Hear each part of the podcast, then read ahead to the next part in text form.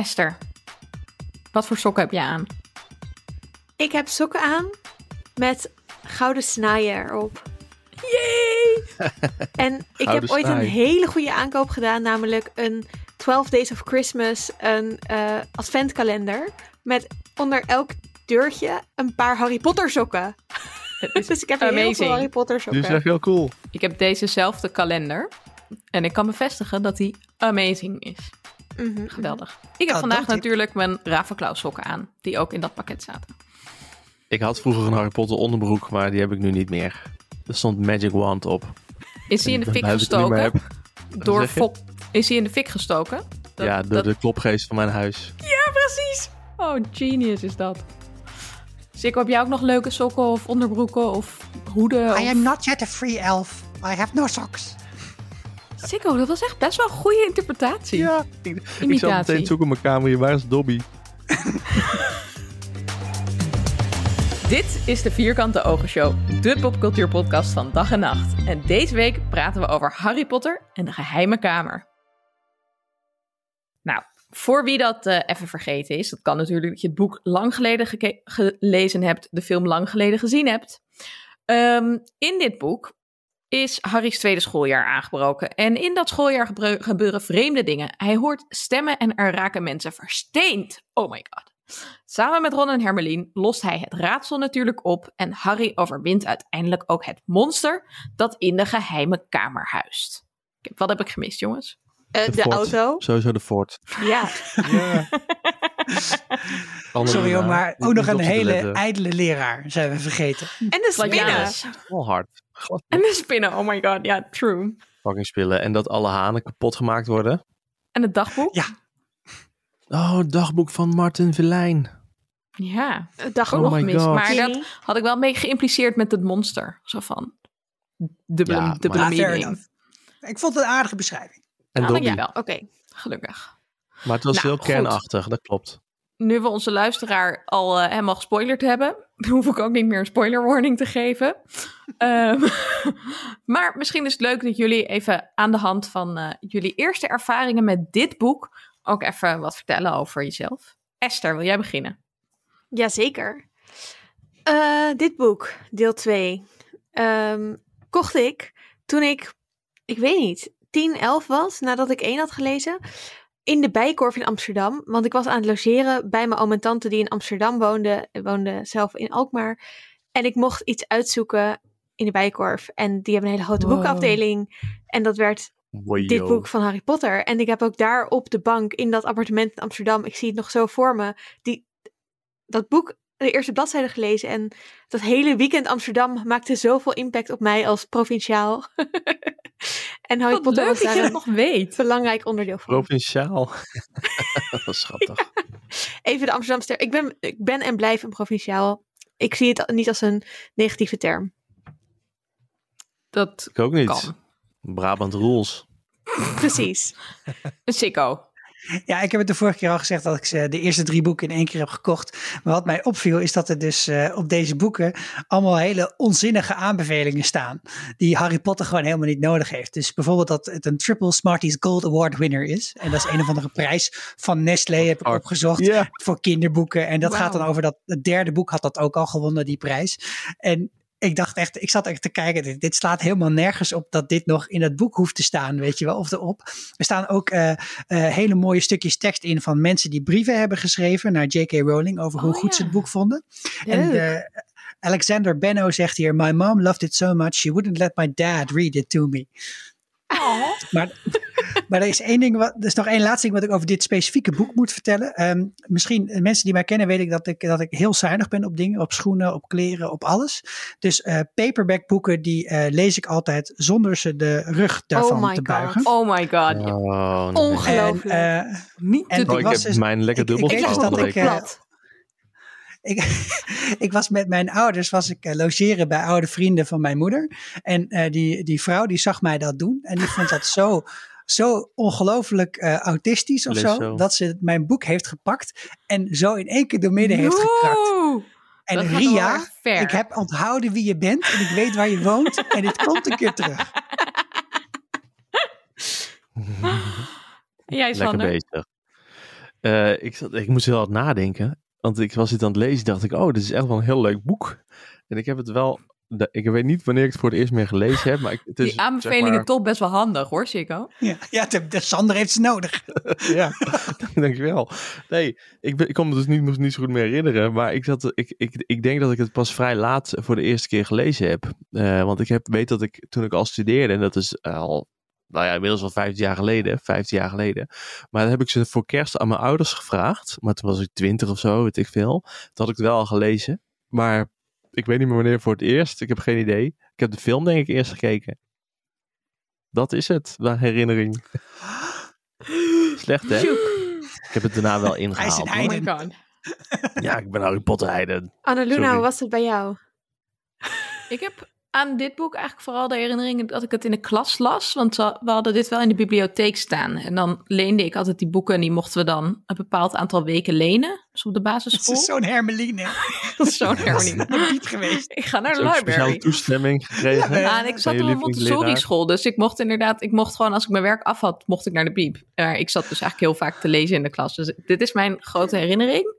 En wat, wat ook wel grappig is, is dat ik dit boek eigenlijk het minst vaak uit de kast pak als ik denk, oh, ik wil een Harry Potter boek lezen. Of ik heb nu zin in een Harry Potter boek.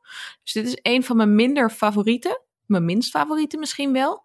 Behalve dat ik elke keer weer, als ik bij de ontknoping aankom, denk, wow, dit is zo vet bedacht met een dagboek dat tot leven komt, een herinnering die erin zit en die dan tot leven komt door de emoties die je erin hebt gestopt. Het zit zo vet in elkaar en ook dat je die eerste blik hebt op die Horcruxes eigenlijk en zo. Maar de, de aanloop tot dat punt vind ik denk ik dit boek het minst leuk van alle zeven. Sorry, sorry boek. Zo. Ik dacht juist ding tijdens het lezen, tijdens het herlezen, dacht ik, oh, dit is eigenlijk best wel een leuk boek. Want ik dacht ook al dat het een beetje saai was. Dat had Maar ik ik was het aan het lezen en dacht, oh, dit is echt, dit is echt gewoon een heel leuk boek. Er zit best wel veel in. Ja, ik heb, dat, ik heb dat sinds het luisteren van de, van de audioboeken. Dat ik merk dat ik de delen waarin ze gewoon op Hogwarts zijn of op Zwijnstein zijn. En een beetje gewoon lessen, Ja. het rijlen en zeilen. En dat zit heel veel in dit boek. En dat is heel leuk. Gewoon de high de school drama. boeken- ja, gewoon de high school drama. Terwijl in de andere boeken is er vaak een soort van groter ding. Dan heb je weer dat toernooi of Umbridge. Of, ja, dat vind ik heel leuk. Ja, En wat ik, je een dan van de merkt- nadelen Ja. van, de, van boek Ik 7 ben dat ze nooit meer op zijn komen. Ja, nee, ik voel wel wat Esther zegt. En wat, wat, hoe dit boek ook is geschreven, dat, dat, dat, dat, zeg maar, dat merk je als je het net het eerste boek hebt gelezen. eh, is dat het ook heel erg steeds een beetje opnieuw uitlegt hoe het ook alweer zat, weet je wel. Mhm. Dus eh, er wordt heel erg zo'n soort van sfeer even opnieuw naar, naar boven gehaald. Maar ook voor de mensen die gewoon dat eerste boek niet hebben gelezen. Dus die Eh, Colin Creevy, eh, dat ja. Ik ja, net die jongen met die foto. Daar wordt, hoe werkt die, het die, werkbalk die- alweer? ja, even en passant heel zwerkbal Ja, uitleggen. Dat, dat je is denkt, waar. nou, dit, dit heb ik al een keer gelezen. Er zitten heel veel Ja. plot devices in. Heel zeker. veel. Ja. Ja, nee, ik vind ook zeker, het is een fantastisch boek. Want alle Harry Potter boeken zijn fantastisch, maar ik vind het niet de fantastischste van de Harry Potter boeken. Dat vind ik ook. Ben je eens. Oké. hey, maar toen jullie het dus gingen herlezen, wat, wat vielen dan voor dingen op, behalve de plot devices? Nou, over Ik, eh, boeken gesproken. Ik vind het heel erg zielig dat de hele familie Weasley al die takvisboeken van Gilderoy Lockhart moet kopen. Ja. Dat is echt super zielig. En ook dat ze niet gewoon denken, nou, we kunnen er misschien ook wel gewoon twee sets van kopen, want onze roosters zullen wel oké zijn. Ja. Of dat je ze gewoon bestelt bij, eh, bij hoe heet het boek? Bij Cor- nee, hoe heet het boek? Klieder en Vlek. Ieder een vlek. En dan binnen de retourtermijn, ja, vlak, vlak voor het tentamen. En dan binnen de retourtermijn weer terugstuurt als je geleerd hebt. Dan moet je wel net zo goed lezen als Sikko. Ja, ja, kan, ja, dat moet kunnen. Ja, Zouden zeker. er anti-kopieerbezweringen op boeken zitten? Waarschijnlijk. Ja, Plagiaatbezwering. Oh. cool. Ik, eh, toen ik Oh, het dat zou herlas, echt dacht willen ik, voor mijn studenten. Ik zei het al, de, de, het high school drama, drama. Ik vond het leuk dat hier ook dat een beetje die tienerliefde en zo een beetje erin komt. Hè? Dus je ziet dat die small heart, die ligt helemaal, die, die, die is heel favoriet bij de, bij de meiden. Misschien ook bij de jongens, maar ja, dat horen we niet. Maar in ieder geval, Hermelien tekent hartjes op haar rooster. Ja. Eh, en die zit ook heel tijd tot in eh, best wel vergaand hem te verdedigen. Van ja, maar misschien wist hij het gewoon niet. Dat vind ik gewoon heel schattig om te lezen in dit boek. Dat Zeker. het er heel erg in zit. Voor het eerst. En er wordt alleen maar meer de komende, komende boeken. Ja, het is echt nog zo'n zo'n tiener ja, liefdetje. Die helemaal, wat helemaal niet diep gaat. Eh, Mij viel op, onder andere, ik, twijfel of ik dit in de vorige aflevering ook al had genoemd. Maar op het moment dat ehm, Harry die, eh, eh, en Dobby op um, Ligusterlaan zijn. En dat Dobby dan die, die taart zo laat vallen. En dan Mhm.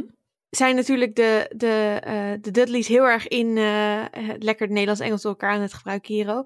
Eh, De Duffelingen, niet de, de Duffelingen, Dudleys, want dat zijn you. de Dirksen. Ja, dit boek heb ik Ja. dus weer in het Engels Of de herlezen. Dursleys. Ja, oké, thanks.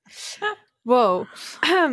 Eh, eh, zijn dan heel erg van, oh ja, nee, sorry, eh, on- ons neefje is gewoon een beetje gek. En daar komen ze nog soort van mee weg. In de film is dat, is dat wat, komen ze niet mee weg. Maar goed, in het boek, dan komt er ook nog een uil binnenvliegen met de brief aan Harry van, hey, eh, let op, dit mag je echt niet nog een keer doen. En die uil is soort van de druppel, Ja. waardoor die mensen die op bezoek zijn helemaal gek worden. Ja. En daarom is het zo onlogisch dat er zo'n hele grote uil komt aanvliegen op het moment dat je voor dreuzels iets van magie doet. Waarom? Dat is Ja. zo dom. Ik vond het echt bizar, dat stukje. Dat wel grappig. Ja. En toen ik in de film zat te kijken, toen ik in de film zat te kijken, toen zei in dat stukje ook, zei, zei oom Herman ook, vanuit het goed van onze hart geven we jou hier onderdak. En toen ging hij zijn hart aanwijzen, maar hij wees de verkeerde kant aan. Vond ik hilarisch. Wat mooi. Ah, Ik had ook, eh, ik vond het heel grappig dat die scène waarin Harry op, opgehaald is door de wemels en in de auto, de vliegende auto. En dan komen ze aan bij het nest en zij zegt, nou, allemaal gelukt, top, top.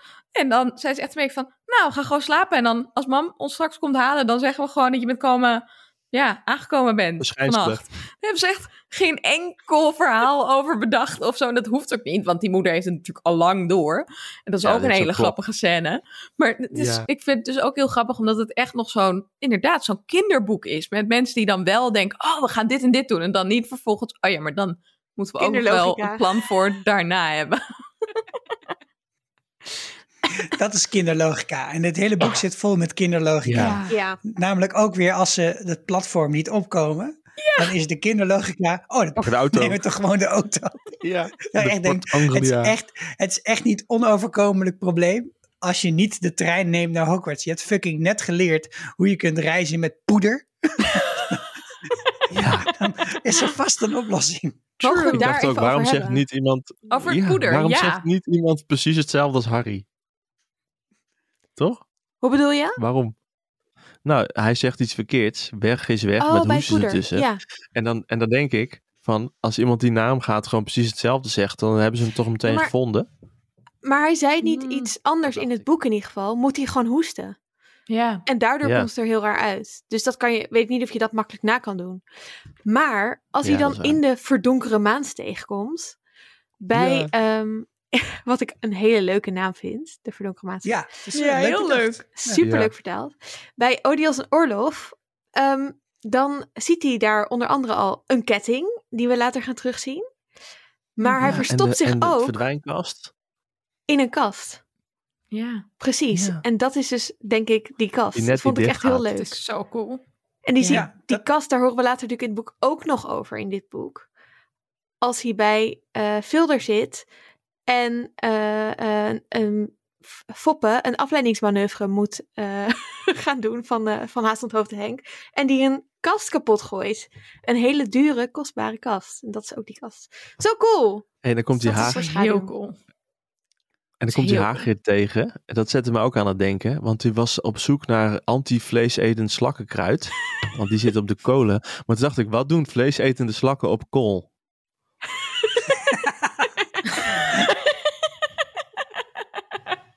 Gewoon even, ja, ik dacht, dat hield Ja. me gewoon even bezig. Heel kort, maar Ja, ik ben maar wel dat- bezig. Maar dat heb je vaker hè, in, in, in de biologie. Dat, dat, dan wordt iets vernoemd. En dat, dat, dan blijkt dat datgene waar, die naar verno- waar het dier naar vernoemd is, dat dat dat helemaal niet doet. Misschien is het gewoon zoiets, Sander. Oké, Dat, dat, misschien dat, dat, iemand die dat Rowling zodanig heeft nagedacht over de naamgeving van dingen, dat ze dit soort dingen ook heeft meegenomen. Ik heb iets over, ook over dieren, maar dan over dode Yes. dieren. Want we leren Oh, ja, later natuurlijk in die boeken dat je kunt kiezen of je geest wil worden. Eigenlijk leren we dat in dit boek ook al een beetje. Dat Ja. als je nog niet klaar bent met het leven, dan kun je blijven als geest. Maar die, die poloende eh koppengeesten, zeg maar, die hebben dus ook paarden. Maar op welk moment in zijn leven denkt een paard... Ik ben hier nog niet klaar mee. Ik Dat blijf... vond ik ook problematisch. Wow. Ik, ik dacht inderdaad, als, er- als je dan zo'n paardengeest tegenkomt.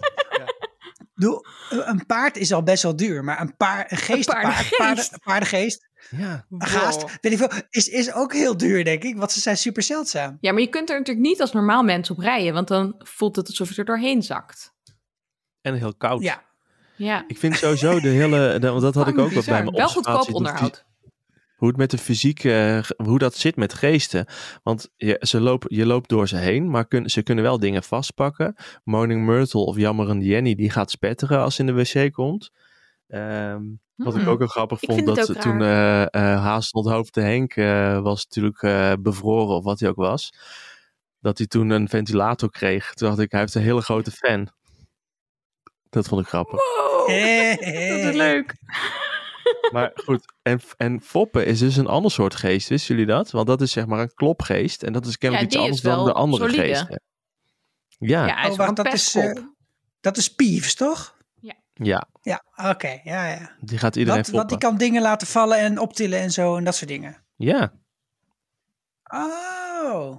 Ja, hij is ook er is geen ook nog echte een hele geest. Ze zeggen dat ook in, de, in boek 1 toch al. Van dat ze, zijn ze het overleggen of ze moeten laten blijven. Dus ook de geesten onderling zijn gewoon lullig naar elkaar toe. Ja.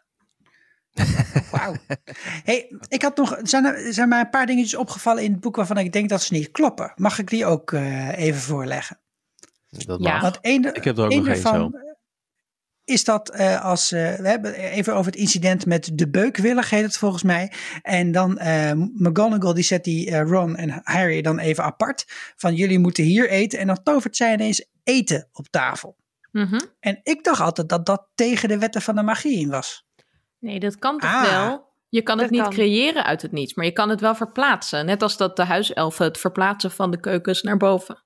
Ja, Maar dan doet ze dus uh, Akio sandwich. Ja, eigenlijk basically wel. Maar dan, dan En je kan ook dingen transformeren, hè? Dus je kan volgens Ja. mij wel eten transformeren. Dus als je champignons hebt, dan kun je er aubergines van maken of zo. Uh-huh. nee, dat staat in de Bijbel ook. Als je het hebt, kan je het vermeerderen, maar je kan het niet, zeg maar, je kan het van eigenschap veranderen. Van water en kan je wijn maken. Ja. Maar je kan volgens mij niet van een Maar is er- tafel is er dan een bepaald kip maken. Nou, misschien kan je wel van zeg maar zandcakejes, zandkoekjes maken. Dat denk ik wel, ja. Ik denk dat je eten in eten kunt veranderen, maar niet dat je random shit in eten... Nou, misschien ook wel random shit trouwens, dat is niet goed voorbeeld. De eentje poepenstallerse brood.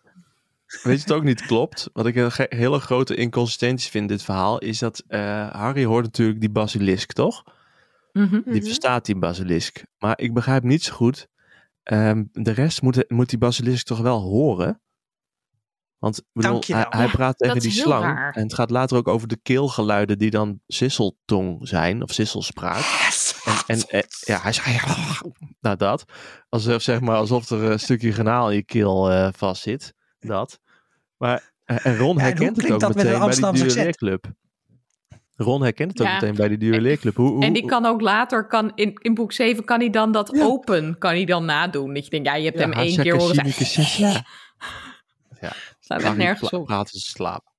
Het is trouwens ook super onsubtiel wat die basilisk dan allemaal zegt. Het zegt openrijden, ik wil vermoorden, ik wil scheuren. Je zegt, oké, back off. Weet je? Ik wil scheuren. No chill. Weet je wat ik ook gek vind? Is dat eh, vroeger hadden ze geen riolering in eh, nodig hè, bij eh, tovenaars. Want Oh, tovenaars ga je dit scheten nu in hun broek. vertellen? Oh god, Scheten in hun broek. Oh, we ze- gaan hierin. Oké. tovenaars scheten in hun broek en ze toverden het weg.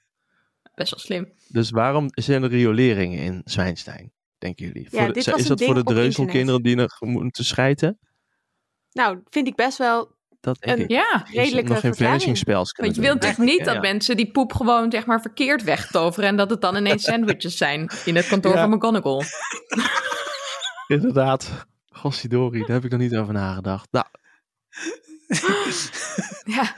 En Esther, had jij nog dingen?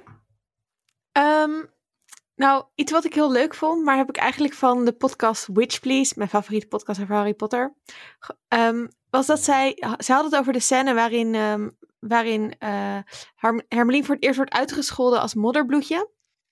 En dat Ron dan zegt, hey, dit kan je echt niet zeggen, En eh ehm, Malphidus aanvalt eigenlijk en zegt, eat slugs. Ja, hier komt dus weer eet slakken, denk ik. dat ik het net in het Engels Ja. heb gelezen. Maar, ehm, eh, en, en zij vonden dat dat een hele mooie, eh, mooie analogie is, voordat we als mensen, eh, als we op willen komen voor een ander, die bijvoorbeeld ehm, racistisch bejegend wordt of seksistisch, dat, het dan, dat je dan iets moet doen wat best wel oncomfortabel voelt. En soms ook gênant kan zijn, maar dat het wel heel belangrijk is om dat te doen, omdat het die ander wel heel erg helpt.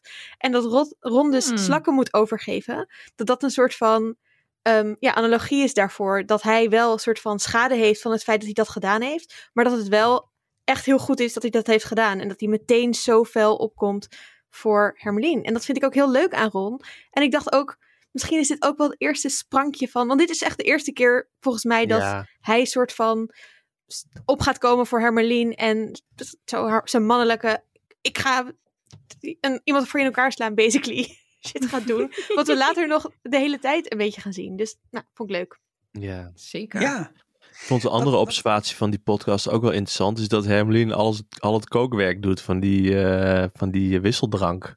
Ja, Dat- nou, dat sowieso. dat Dat zij die wisseldrank doet en dat ze dan er niet bij is. Als ze hem gaan gebruiken, omdat ze dan een kat veranderd is. En ook dat ze het, het hele tweede deel van het boek eigenlijk in coma op de ziekenzaal ligt. Terwijl zij degene is die dat bedenkt over die basilisk. Wat trouwens Ik- wel echt vet niet in character is, is dat ze een boek wel... s- Wat ik, heeft kapot gemaakt om die bladzijden eruit te scheuren. Dat ja, klopt gewoon niet. Het enige wat ik er aan begreep is dat zij wel het beste in potions is. In toverdranken. En dat ze het daarom maakt.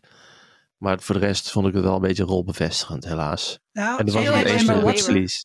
Ik, eh, Ja. ik heb ook eventjes de DVD-extra's gekeken. eh, waarin de, de jonge filmacteurs ook worden gevraagd eh, over... nou, vertel eens over je karakter. En op welke manier heeft je karakter eigenlijk de grootste karakterontwikkeling doorgemaakt in dit boek. En hoe ben je zelf eigenlijk gegroeid in je rol als acteur? Dat dacht, nou, best diepgravend voor eh, een paar kinderen van 12. Maar daar zei Emma Watson wel dat eh, het grote verschil met het eerste jaar is dat Hermione wat minder om de regels geeft in het tweede jaar. Dus wat dat betreft klopt het dan wel weer. Zeker. Dat is wel leuk. Ik heb nog één ding. Kort. Waarom heet het in het Nederlands de geheime kamer? Want de Chamber of Secrets is wel echt iets anders dan Ja, ik ook. een geheime kamer. En het klopt wel, want het is een heel geheime kamer. ongelukkig Maar het is vertaald. ook een kamer met geheimen. Bam, bam, bam. Ja. Zo'n zou geheim een kamer moeten zijn. Hmm. Of de Kamer van Geheimen. Ja. Eh, ik heb er ook nog eentje. Namelijk, zijn professor Perkamentus en professor Anderling friends with benefits? Want, hear me out. Nee, maar hear me out. Ik heb hier Ja, nee. textual evidence voor gevonden. Eh, Yes. ik heb eh, in true fashion geclose read tot ik een ons woog. In de scène dat Harry op de ziekenboeg ligt, en dit is voor de mensen met het Nederlands boek naast zich pagina 135, ehm, ligt hij op de ziekenboeg omdat zijn arm net, weet je wel, kapot is gegaan Ja. door Gilderoy Ja, Lockhart. Wat vet grappig is. Hilarisch. En dan wordt Casper Krauwel binnengebracht. En ehm, dan zeggen ze een beetje van, nou, ehm Albert zegt dan, ehm, Minerva vond hem op de trap. Maar vervolgens zegt Minerva dan, nou, ja, jij ging net als ik eraan denk, als Albus niet naar beneden was gegaan voor een kop warme chocola, wat was er dan gebeurd? Dus ze zijn op één en dezelfde plek, midden in de nacht, ergens bij Hmm. een Ik trap. denk dat ze samen Nou, een lees nou. waren. En wie Nou, heeft en er, ik- waar heb je zin in? Waarom heb je zin in warme chocolademelk midden in de nacht? precies. Nee, valt je een mannen? vigorous physical activity hebt gedaan. Het is sluitend bewijs. En als je doorleest op pagina 136, maar is alleen in de Engelse versie staat er ook... Oh Albus, wat doe je nu? Jezus. Maar dan Dat ik dit heb gemist. Ja, of Ja, toch? of zo. Ja. Nee, Ik ja, vond dit in elk gay. geval opvallend. Eh, ik ga hier Echt vaker naar kijken. Zien we hier meer dingen van. Ik heb nog een laatste kleine observatie over Casper Krauwel. Dat is namelijk dat dat de sadste persoon ever is. Want hij komt daar als dreuzelkind naartoe. Hij weet niks. Hij wordt best wel lullig bejegend door Harry. Terwijl hij daar echt een soort van rolmodel in ziet. Zijn vader is melkboer. Hij wordt voor de eerste helft van het collegejaar wordt hij versteend. En de rest van het jaar besteedt hij op de ziekenzaal. En zijn vader heeft waarschijnlijk ook echt geen flauw idee wat er met zijn zoon aan de hand is. Dat is zelfs wel- ja. En, en we kregen ook het antwoord op een vraag van de vorige podcast over Harry Potter 1. Hè? Toen hadden we het toch over wat gebeurt er met dreuzelkinderen voordat eh, ze geselecteerd worden. En hij zei ook letterlijk, ja, ze dachten dat ik net te gek was tot ik de brief kreeg. Oh, wat Ja. zielig. hij was daarvoor ook gaat nog dood, hè? Ja. Hij gaat volgens mij dood in het gevecht op het eind. Ja, inderdaad. Of is dat zijn 7 gaat hij dood. Klopt. Is hij dat Dus wel? ze gaan allebei nee, dood. volgens mij is hij dood. Ja, echt Zo zo zielig. zielig. Het is de zieligste persoon Ja. van, van de hele boekenserie. Sikko, nog, nog één ding. Nee, ik heb echt nog zes dingen. Maar Oké, ik, ik wil even snel van jullie weten hoeveel mensen dachten dat ehm, Ginny Percy had zien masturberen. Ja, Ja, tuurlijk. Totally. Ja, oké. Goed, nee, maar hebben we dat gehad. Weet je, dat is out of the way. Nee, ik, wil het nog even, ik wil het nog even hebben over dat dagboek. Want Mhm. ehm, ik was helemaal in de war over twee vragen. Eén vraag, wie is er nou eigenlijk overleden om deze Horcrux te maken? Is dat Moaning Myrtle? Mhm. En is dat dan omdat Tom Riddle die basilisk heeft gebruikt als wapen om haar dood te maken? Dat telt dan als Ja, ik weet niet of dat in het boek duidelijk wordt of zo, maar achteraf heeft zij natuurlijk, heeft J.K. Rowling natuurlijk heel veel nog meer bekendgemaakt over allerlei shit en wat zij, hoe ze het heeft bedacht, kennelijk. En daar heeft ze toen een keer gezegd dat, eh, dat, dat die, eh, eh, die heet Warren, Warren trouwens, Je- Je- Jenny Warren, geen idee, maar die Moaning Myrtle, Mhm. dat die dood is gegaan voor, deze, voor dit gruzielement. Maar ja, Ja, we weten natuurlijk eigenlijk zo weinig over Ja. hoe die gruzelementen gemaakt worden. Ja. Ja, maar er is toch een, een offer voor nodig, toch? Er moet iemand voor Ja, ja. overlijden. Dat, eh, Ja, je er zijn wel beschrijvingen van, maar daar heb ik nog niet op ingelezen nog, omdat we het daar later vast nog over gaan sommige hebben. mensen Ja, denken dus dat je cannibalist moet Moet- zijn. Dus dat je ook nog dat dat het gruwelijke is wat je dus moet Ja, doen. Terwijl ik zou zeggen dat op zich een grond, moord eh, plegen al vrij gruwelijk is. Ja, oké. En het het andere wat ik me afvroeg. Oh, zo, sorry. Nee, ik ben nog aan de beurt. ja, maar want- ik had Ja, een punt is- nee, jij mag zo de quiz, Sander. Is Oh, het dagboek ook een hersenpan? Nou, Hmm. blijkbaar. Het werkt wel als een Ja, toch? hersenpan. Nou ja, al die andere gruzelementen Ja, maar- hebben ook allemaal eigenschappen, toch? Die allemaal het is net toch wat niet per anders se een zijn. hersenpan? De hersenpan is een soort vessel waarin je herinneringen kan bewaren. Maar dat kan je dus ook doen in andere vormen. En op zich lijkt een pan me fijner. Nou, nee, ik weet niet of het fijner is. Een boek kan ook. Er is een ja, wel, maar. Is het, een Heel. reis, is, is het eh reiseditie van de hersenpan? maar een boek kun je wel makkelijker door de wc spoelen dan een pan. Ja. Misschien. Nou, Of ik vind verbranden. het gewoon. Ik vraag me dan gelijk af of er meer objecten zijn in de magische wereld die je kunt gebruiken als een soort van eh, eh, ja, holodeck. Ja, ik Mag vind iets het wel zeggen over vet. dat dagboek? Ja, Nog? geen en, over, en over Martin Verlijn. Want ik begrijp dus niet zo goed waarom niemand zijn naam weet. Bedoel, dat moet toch ergens in de geschiedenis staan? En ik Ja. bedoel, Ja. het is geheim gehouden en zo. Maar Chico, heb jij er wat over? Want die zit heel enthousiast te kijken. Nou ja, want, eh, want eh, Dumbledore legt dat wel uit aan het einde van het boek, volgens mij. Dat hij zegt van ja, het, het was zo lang geleden en hij heeft zoveel transfiguraties eigenlijk al ondergaan Ja. in zijn leven, Voldemort, dat, dat bijna niemand hem meer echt herkende. Maar ik had al helemaal in de smiezen op een vroeg moment van hier is iets niet helemaal in de haak. Dus daarom heb ik het me herinnerd en anderen niet. Maar dat, Ik denk eigenlijk dat het het bewijs is dat Martin Filijn gewoon niet echt een boeiend persoon was op school. Dat hij met een paar mensen, die vonden Ja, hem dan misschien pretty cool, want hè, eh, die, die gingen met hem optrekken. Maar ja, blijkbaar gewoon niet echt een memorabel figuur waar mensen later nog Gewoon een meer gewoon iemand die zo achterin zit. Ja, precies, die een beetje Mhm. zo niet echt opvalt. En ja, die award van die school, misschien vond iedereen dat gewoon stom. I don't know. Nou ja, hij viel natuurlijk wel bij leraren heel erg op. Want hij, hij, daarin Ja. is hij wel, daardoor wordt hij wel echt herinnerd. Maar ik kan me wel voorstellen dat mensen gewoon een beetje zijn van... oh ja, die vervelende gast die altijd alles wist.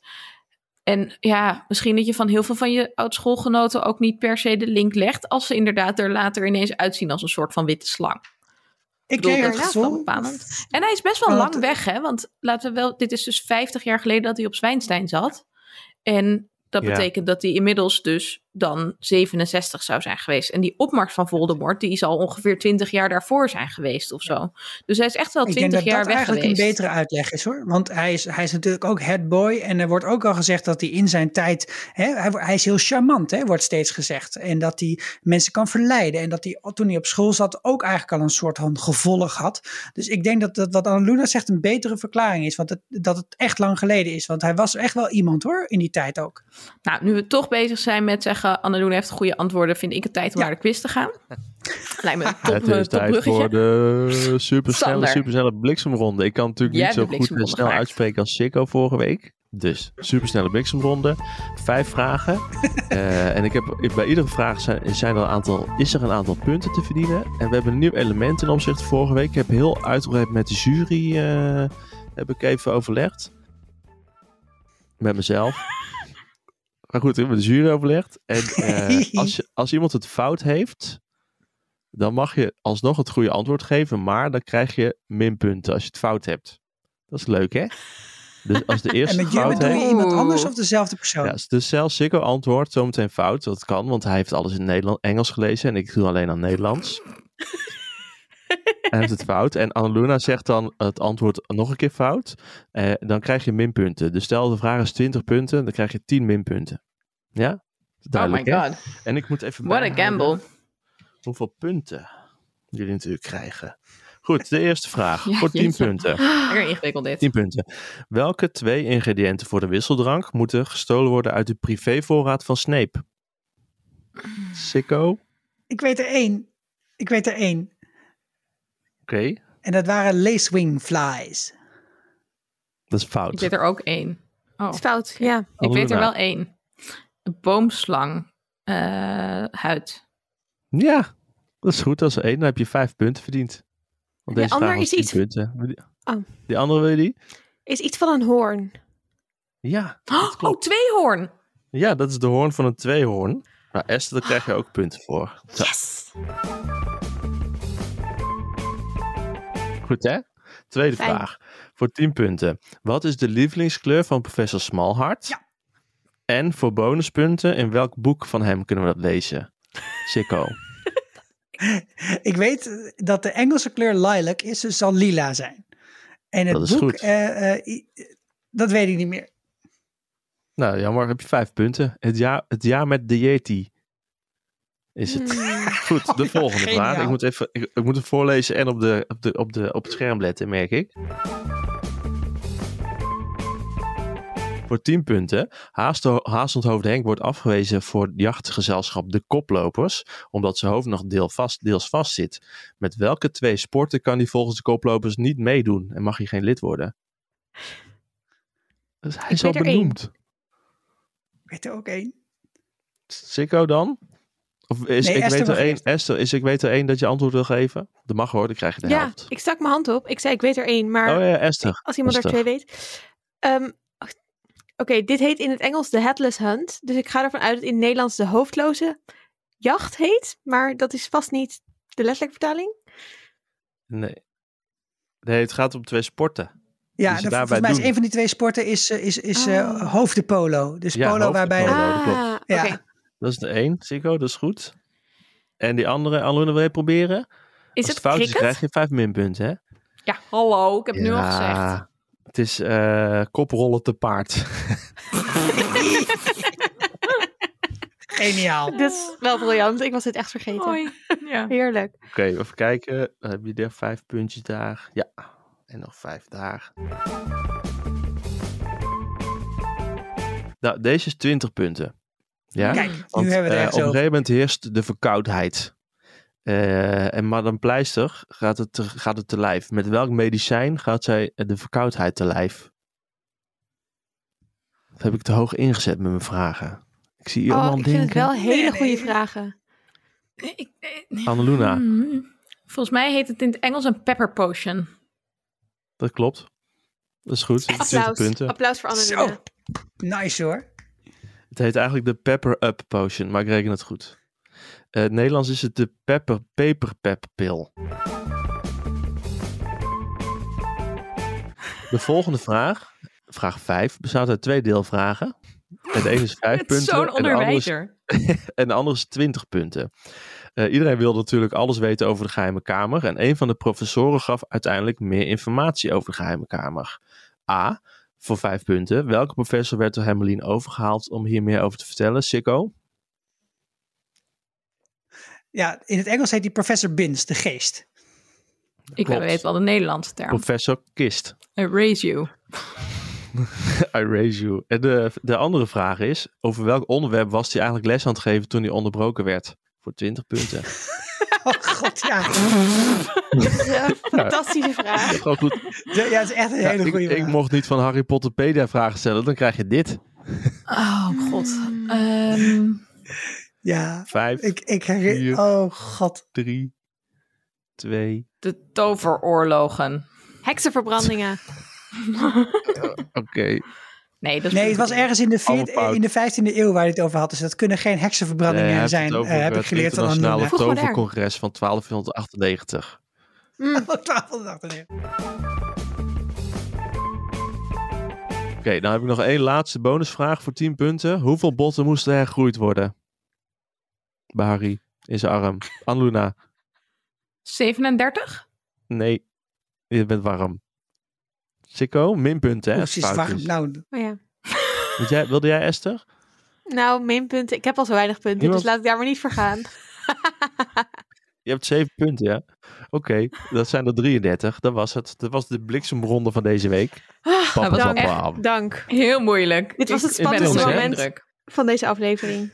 ik had serieus ook al aantekeningen gemaakt van vragen die ik dacht dat zouden komen. Ja, ik heb ook nog dingen En? opgezocht voor deze aflevering. Ah, ik, Ik heb las nog die van ingrediënten. Aragog. Ik las die ingrediënten van die toversdrank en toen dacht ik, dit gaat Sander vragen. En toen ben ik het dus toch vergeten. Oh. Prachtig. Hm. Ik, las wel dat nog van de. Lila en het jaar met de Yeti. Maar toen was Sikko gewoon eerder, dus helaas. Ehm, Weet je welke quiz ik nog heb gedaan in voorbereiding? We praten gewoon door elkaar heen. Ja, ga maar. Wat heb jij gedaan als voorbereiding, Sander? Nou, een busquiz. Waar ik het over hebben. Ja, wat mooi. Goh, heb toevallig. jij toevallig de busquiz gedaan? Welk Harry Potter personage ben jij? Nou, Zeker. en Wat was je? Ha, ik was eh, Fred, Fred Weasley. Want ik, ben, Oh, ik was niet zo slim, maar ik heb wel genoeg wit om overal mezelf uit te redden. En ik, was, ik ben- word blij van leuke grappen. Dat was het. Ik ben blij voor je Fred, maar ik had je ook een Hagrid gegund. Hagrid. Was jij Hagrid, Sikko? Nee, Oh, ik was absoluut geen Hagrid. Wie was jij? Ik was Bellatrix Strange. Oh. Oh my god. oh, jullie zijn eng. Met z'n tweeën. Had je ook ingevuld eng. bij je ideale partner dat je graag op dezelfde dingen haat?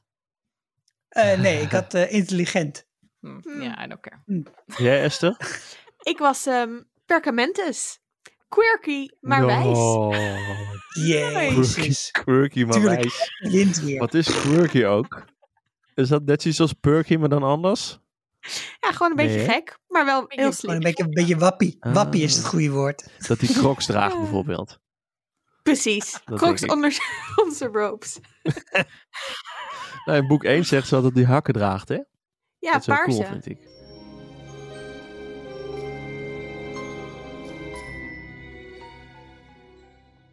Oké, nou, onze Harry Potter kennis is duidelijk up-to-date. Misschien zijn Sikko en geval niet helemaal moreel juist. Maar goed. Ehm, laten we doorgaan naar de grotere vragen, oftewel het puistniveau van deze podcast. En dit keer gaan we het eigenlijk vooral hebben over de positie van tovenaars, misschien in het bijzonder bloedzuivere tovenaars, ten opzichte van andere, dus dreuzels, kinderen van dreuzels, snullen, misschien ook wel huiselfen. De eerste vraag gaat eigenlijk over ehm Zwijnstein. En dat Zwijnstein vaak een beetje geportretteerd wordt als een soort veilige haven. En ook als een vrije haven in de, in de magiepolitiek. Waarbij dus steeds geïmpliceerd van, ja, maar op Zwijnstein kan eigenlijk alles. En Dumbledore, die is veilig en die creëert een soort mogelijkheid voor treuzelkinderen. Maar ook voor bijvoorbeeld kinderen die weerwolf blijken te zijn. Zullen we in een later boek zien. Maar Ja. is dit alleen Dumbledore of is het breder gedeeld op Zwijnstein? Dus mag Dumbledore gewoon dit allemaal in zijn eentje bepalen? In hoeverre hebben de afdelingshoofden hier impact op? Of het schoolbestuur? Sander. Nou ja, in, ieder geval heb je dat schoolbestuur, wat komt in dit boek heel erg naar voren. En het is natuurlijk ge- gebaseerd op een Engels schoolsysteem, dus ik ben gaan opzoeken en ik heb het ook wel gezien in Engeland op scholen hoe dat dan werkt. En eigenlijk is dat ook een soort college van bestuur of zo, of een soort raad, ja, of een soort raad van toezicht is het Raad eigenlijk van meer. toezicht, die dus, denk ik. Ja, die dus toezicht houdt op de grote lijnen van de school, zeg maar. Dus die eh, zijn verantwoordelijk voor het aanstellen van de head teacher, in dit geval dus voor Perkamentus. Eh, en ze, ze eh, hebben ook overzicht over de financiën en allemaal dat soort dingen. Maar meer, ja, dat zijn wel de, noem je dat? Zij zorgen voor continuïteit, omdat die school, dat schoolhoofd steeds kan wisselen. Alleen ik vraag me wel af of dat nu toevallig nodig was om Lucius Malfo Malfidus uh, in het plot te krijgen. Dat er zo'n zo'n bestuur was. Want bijvoorbeeld in boek 5 wordt, uh, uh, hoe heet ze, Dolores uh, Umber, of Omber, weet ze in het Nederlands. Ik heb het dan niet gelezen in het Nederlands. Hm, Gewoon aangesteld. Zonder dat iemand van het bestuur daarmee te maken heeft. Dus ik vraag me af hoe belangrijk het is in de rest van de boeken. Maar het is er wel. Ja. En ik weet en niet in hoeveel invloed ze hebben. En, ze ehm, zeggen wel dat er is geen... Ja. Nee, ja, in het laatste deel wordt, wordt Snape de, het hoofd van de school. En die bepaalt dat je als Dreuzelkinderen daar niet meer heen mag.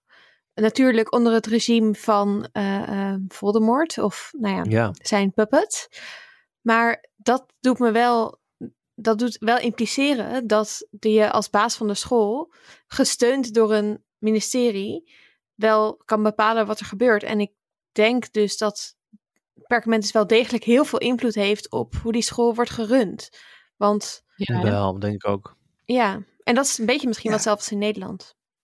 Als, eh, ja, nou, als oud-journalist over, hoge, over de- het hoger onderwijs eh, is de belangrijkste vraag die ik dan hierbij heb, is eh, als er een raad van toezicht is of een board of governors, is wie stelt die dan aan? Mhm. En dat is, eh, want als dat het ministerie is, dan eh, dat is dat een, hetzelfde als in Nederland eh, de, met de universiteiten.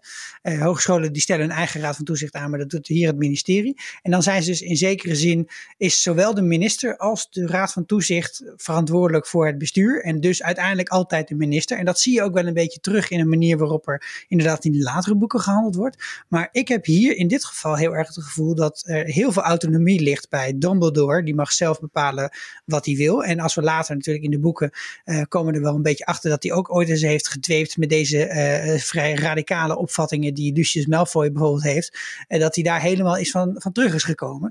Dus volgens mij neemt hij hier gewoon een heleboel eh, controle, trekt hij naar zich toe. Volgens mij is het gewoon niet zo heel duidelijk wie nou eigenlijk de baas is. Maar hij zegt ik ben de snackbar en ik ben de baas. En heeft hij gewoon besloten dat hij, dat hij de vrijplaats wil zijn hiervoor. Ja, en, En ja, hij is ook gewoon de fucking beste wizard eh, die er leeft. Dus eh, wie maakt hem wat? nou, dat wou ik zeggen. Ik denk ook dat het schoolbestuur ook denkt... ja, maar het gaat ook heel goed onder Perkamentus. En Perkamentus is natuurlijk ook een legendarische tovenaar... die eh, Grindelwald verslagen heeft. Dus iedereen zal denken, nou, inderdaad zijn we het mee eens. Terwijl als McGonagall vervolgens het overneemt... als vicevoorzitter, zeg maar... dan zal zij misschien weer meer tegenstand krijgen. Maar het is ook denk ik wel een bredere vraag over hoe vrij Zwijnstein nou eigenlijk als is. Want Dumbledore heeft natuurlijk wel die school ehm, van een aantal echte obstakels ontdaan. Dus er kunnen dreuzelkinderen naartoe. Maar de, het racisme tiert er welig. En dat Ja. zie je niet alleen in het gedrag van de leerlingen, maar bijvoorbeeld ook het wachtwoord van de Zwadderarskamer viel me dit keer op Ja. bij het herlezen, is bloedzuiver. En in de, bij Gryffindor wordt in elk geval geïmpliceerd dat het portret dat bedenkt. Maar hier is eh, er geen portret van de eh, fat lady, de dikke dame, maar is de, eh, de ingang een kale muur. Nou, ga jij mij niet vertellen dat die kale muur dan stiekem een schilderij is, maar dan vraag ik me dus af, bedenk dan het afdelingshoofd, het Het wachtwoord. zou een schilderij van een kale muur kunnen zijn. Hè? Moet Het je niet uitsluiten. de muur ja, bedenkt het betrokken. zelf. Of is het toch Ja. Snape die Ja, gewoon het institutioneel racisme hier zit te voeden, zeg maar? ja, of, of de kiddo's mogen het zelf bedenken, maar hij gaat het in ieder geval niet eh, lopen ik dwars. denk dat het, dat dit wel in de magie van het gebouw zit hoor. Want dat is- zie je ook bij die eh, leerlingenkamer van de Ravenclaws. Is dat daar wordt Mhm. natuurlijk steeds een vraag gesteld. Eh, en als ze dan logisch beantwoorden, dan mogen ze dan binnen. Het is niet dat ook dat eh, professor eh, Flitwick, hoe heet hij in het Nederlands? Zeg het even. Het Nederlands? Oh ja, dat professor Banning. Banning dan eh, één keer per maand eh, weer een hele vragendatabase moet uploaden of zo. Denken jullie niet. ook dat die van de Hufflepuffs gewoon open is? Dat iedereen daar gewoon naar binnen mag? Ja, precies. Ja, dat, dat is gewoon. Kom maar jongens. hè, ja, Ja. het is gewoon gezellig. Weet je, de- niemand, er is niemand die per se erbij wil, maar als je wil komen, prima. Geen moordenaars. Whatever. en anders boeien. Ehm, Ja en, ja. en natuurlijk de andere manieren waarop ze op Zwijnstein omgaan met mensen die niet eh, zeg maar zuiver magier zijn. Eh, daar zitten wel wat eh, andere probleempjes in, denk ik. We hebben natuurlijk de situatie van Hagrid. Die is ooit van school gestuurd omdat hij zogenaamd de geheime kamer geopend zou hebben. En die mag dus geen magie meer bedrijven. Eh, dat is volgens mij iets wat hij niet meer mag van het ministerie en niet van Hogwarts, want de zwijnstein gaat daar in principe niet over volgens mij. Maar die moet dus eigenlijk al zijn klusjes, zoals het dragen van kerstbomen, het uh, tillen van hanen, uh, het, het, doen van een, een, een rondje bos, moet hij allemaal doen, in principe zonder toverstaf. En dat, dat wordt dan ook wel een beetje gezien als een soort straf, toch? Nou ja, het is sowieso echt even stilstaan bij hoe belachelijk het is hoe met Hagrid wordt omgegaan in dit boek. Dus mm -hmm. dat hij gewoon naar fucking Azkaban moet om een beetje het, het ja, imago te redden van het ministerie. Azkaban, echt de nou, kutste place ever. Ja. Ja. Oh ja, nee, ja, we halen je wel weer weg zodra het even wat minder, minder heftig is. Hoe? En, ja. en dat aan het eind niet eens zijn naam wordt gezuiverd of zo. Ze komen erachter dat hij niet nee. was. Niemand die even zegt, oh Hagrid, sorry, wil, wil je anders alsnog op onze kosten... Ja, nog eventjes nee. naar school. Hier is je toverstak. Nee, Even niks. een stukje in de Daily Prophet. Ja, what the fuck? Nee, helemaal niks. Oké, okay, of nee, naar bijscholing van privéles ja. even... Ja. Maar inderdaad, ja, en, belachelijk dat de mensen die ge geen magie mogen of kunnen doen, moeten het zwaarste fucking werk doen op Zwijnstein. Dus Wat is dat voor ons? Snelders moet dat hele kasteel schoonmaken ja. zonder magie. Wat is dat? Ja. Terwijl het zo makkelijk zou zijn voor iemand als professor Banning om gewoon een aantal bezemstelen aan het werk te zetten.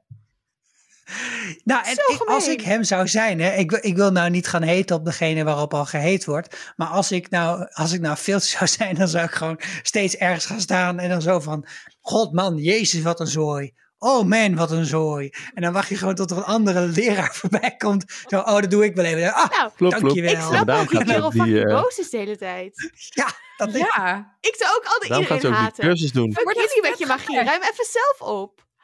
Ja. Ja. Die kutstaf. Ja, maar ik wil, ik dat punt wat Esther net maakte nog even in, met dikke viltstift onderstrepen. Wat is het voor een vreemde situatie? Dat op het moment dat je iemand verdenkt, dat je een fucking naar Azkaban kan sturen. Mm. Hè, in dit boek weten we nog niet hoe erg Azkaban is. In dat volgende boek komen we erachter. Best ongezellig.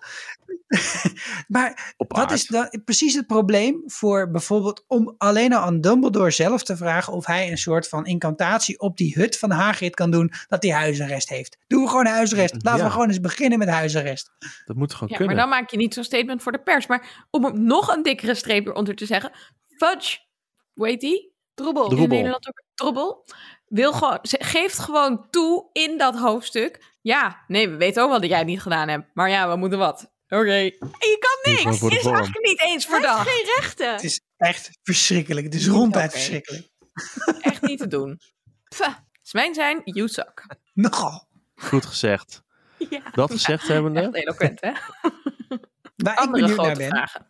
Ja, dat is waarom er eigenlijk maar zo weinig tovenaars eh dreuzelstudies volgen. Hè? Want het Dreuzelkunde. is eh, dreuzelkunde, muggle studies heet het in het Engels. En het is, dat is nou, ik denk dat als je in een eh, enorme minderheid bent, hè, er zijn vorige keer achtergekomen 4000 eh, tovenaars in heel Groot-Brittannië, eh, en jij hebt je te verhouden tot die wereld om je heen, dan zul je heel veel bezig zijn met het repareren van shit, met het begrijpen van shit, met het met aanpassen aan nieuwe situaties. Hè. Stel je voor, de dreuzels vinden de mobiele telefoon uit. Ja, ik noem maar wat. Oh, of de spionagesatelliet. Ik noem maar wat. Je zou je er een beetje toe, mo- toe moeten kunnen verhouden.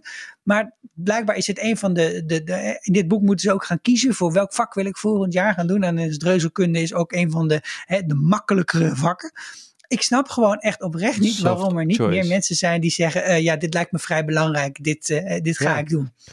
Nee, Ik, snap het, ik begrijp het ook niet, want ik heb er nooit over nagedacht met al die, eh, als je dus allerlei modernere ontwikkelingen steeds hebt. Want je moet dus ook dus toch kennis hebben van die shit, om ook het zodanig te kunnen bezweren dat dan bijvoorbeeld de weg is weg nog steeds niet op Google Maps tevoorschijn komt, op Street View of zo. Omdat daar freaking veel satellieten, eh, weet ik wat, eh, zijn, die dat wel kunnen zien. Dus je moet het kunnen betoveren, toch? Maar allereerst weten we niet hoeveel mensen dreuzelkunde voor, volgen. Want ja, Harry en Ron doen het niet. En dat zijn nou onze point of view characters. Maar ja, één van de drie doet het al wel. Hermelien wel. Met Hermelien. Ja, Dus misschien ja, doen we de veel meer het. We leren ook dat Ron's vader, Arthur, dat hij dus in dat departement zit. eh, en eh, dat, dat, dat, dat zijn taak is om zich hiermee bezig te houden. En dat hij een van de twee of een van de drie mensen Ja, is op is het hele ministerie. En dat lijkt mij dus een Ja. beetje weinig. Ja, en ik vind ook Ja, wel dat Hij in is, dus, bijvoorbeeld hij is wel- dus snackbar. Ja. Hij houdt zich wel echt bezig met het misbruik van dreuzelspullen en zo. Hè? Dus dat is een de ander departement. Maar je hebt dus bijvoorbeeld ook nog uh, ongepast spreukgebruik. Dat is een ander departement. En dat houdt zich Mhm. natuurlijk ook bezig met het afschermen van de tovenaars van de dreuzels. Fair enough. Maar jullie hebben toch allemaal ook wel een beetje het gevoel dat het niet echt, dat het Nee, een beetje nee. in het verdomhoekje Ja. staat? Ja, Ja, zeker. Nee, wat ik heel raar vind. Dus ik heb een he- hele erg theorie over hoe de hele, het hele boek veel toffer had kunnen eindigen. Namelijk dat als ze in boek 7 eh, ehm, gewoon hadden gezegd: oké, fuck it. eh massasurveillance van Voldemort en zijn puppets op het ministerie. Wij gaan treuzeltechnologie gebruiken. We gaan alleen maar in auto's. We gaan alleen maar met Ja, de metro. We gaan elkaar bellen. We gaan sms'en. We gaan weet ik veel wat Ja, dan hadden ze gewoon makkelijk eh, ondergronds in contact kunnen blijven. Ze hadden de, de naar, zeg maar precies wat, wat Voldemort wil uitroeien, hadden ze tegen hem kunnen gebruiken. Hoe vet was dat? Opeens waren alle mudbloods, tussen aanhalingstekens, de aller mensen met de meeste kennis, van die wisten, weten dan hoe je het allemaal moet doen. Dat was zo cool geweest. Dus mijn vraag is ook, Ja. waarom gebruiken ze niet vaker dreuzeltechnologie? Bel elkaar Ja. gewoon op. Ja, ik denk dus. Ja. Ik denk dus omdat ze het gewoon niet zoveel van weten. Want dat is ook bij die Arthur Wemel. Die werkt op dat departement. Maar hij weet er eigenlijk niks van. Ik bedoel, hij weet niet hoe de metro werkt. Hij vraagt aan Harry iets over een rubber eentje. Waar, wat daar de functie van is. Allemaal dat soort dingen. Hij weet die shit niet. Dus, ik- nou goed. Nee, maar het is natuurlijk wel heel Dus- raar, want we hebben het de vorige week gehad over dat bijvoorbeeld kinderen wel naar de basisschool op een dreuzelschool gaan. Nou, dan krijg je in elk geval wel mee hoe een telefoon werkt Ja, als je met je vrienden ja. wil afspreken. Ja, maar volgens Dus mij niet de dat is heel eh, raar. magische kinderen, denk ik.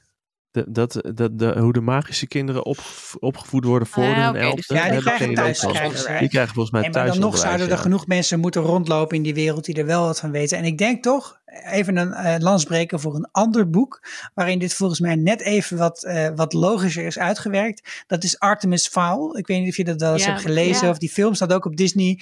Eh, daarin zit heel erg wel de integratie tussen technologie en magie.